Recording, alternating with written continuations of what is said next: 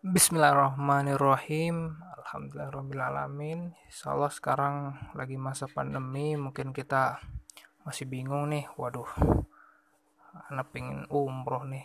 Tapi uh, sekarang lagi masa pandemi Dan penerbangan juga ke Saudi ditutup. Tapi kita coba deh uh, Tilik-tilik. Barangkali kita kepingin buka Wah talangan atau kepingin ke Mekah untuk umroh nantinya ya. Semoga pendengar bisa umroh bareng dengan saya. Wah. sekarang terkait dengan ini ya terkait biaya talangan umroh mungkin kita bisa lihat bahwa memang ibadah umroh itu ibadah sunnah ya. Cuma kadang-kadang orang kan memang nggak punya duit kemudian uh, kepingin mengajukan pembiayaan di perbankan syariah gitu biar cepat berangkat nanti sisanya diangsur. Oke sekarang kita uh, ini basic dulu terkait dengan dalil bagaimana umroh ya kemudian biaya talangan umroh itu seperti apa dalil penguatnya. Kita lihat dari firman Allah Subhanahu wa taala di surah Al-Qasas ayat 26 ya. Qalat sitahu ma ya batistajirhu in khairan min istajartal qawiyul amin jadi ini terkait dengan uh, ceritanya Nabi Musa ya. Salah seorang dari ketua wanita berkata aku ambil ya sebagai orang yang bekerja karena sungguhnya orang yang paling baik yang kamu bekerja adalah orang yang kuat lagi dapat dipercaya ya. kemudian surah Al-Baqarah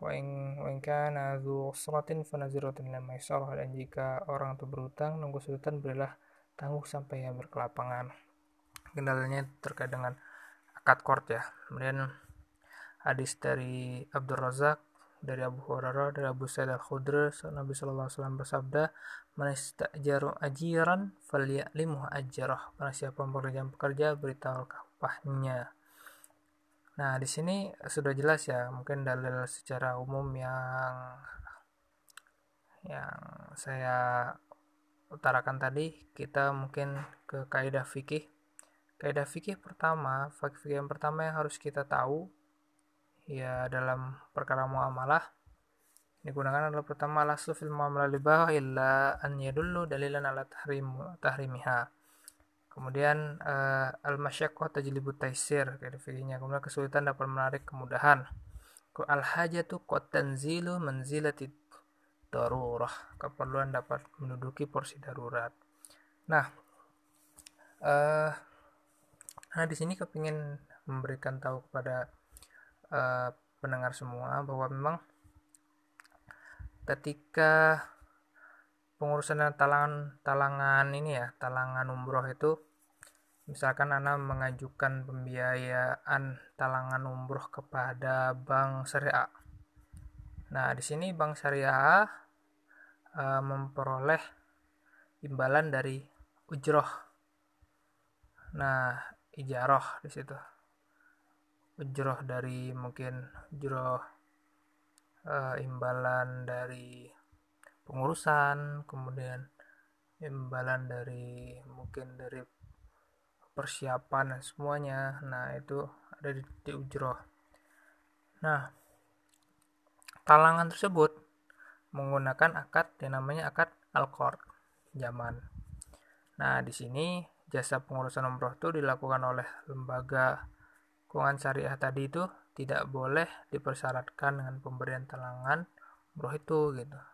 Tidak boleh dipersyaratkan. Kemudian imbalan uh, ujroh itu tidak boleh didasarkan pada jumlah talangan kort dari ibadah umroh itu.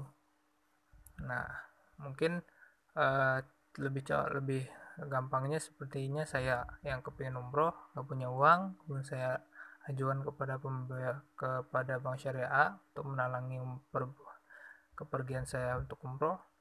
Kemudian di ACC ACC nah ACC itu menggunakan akad kort akad pinjaman. Nah ketika saya uh, balik uh, saya mengembalikan dana kort itu mungkin bisa secara cicil misalnya satu juta 10 juta mungkin 10 juta saya bayar 1 juta satu juta 10 bulan gitu. Nah untuk ujrohnya mungkin ujrohnya karena Bang Syariah mungkin sudah memesankan tiket saya kemudian apa sebagainya mungkin ada mungkin ada sewa juga atau saya menitipkan apa di Bang Syariah nah, ada ada B ujrohnya itu. Tapi eh, kembali lagi tidak boleh dipersyaratkan imbalan terhadap core tersebut. Karena kalau core din jaronafan fahuwa riba oke teman-teman semua terima kasih sudah mendengarkan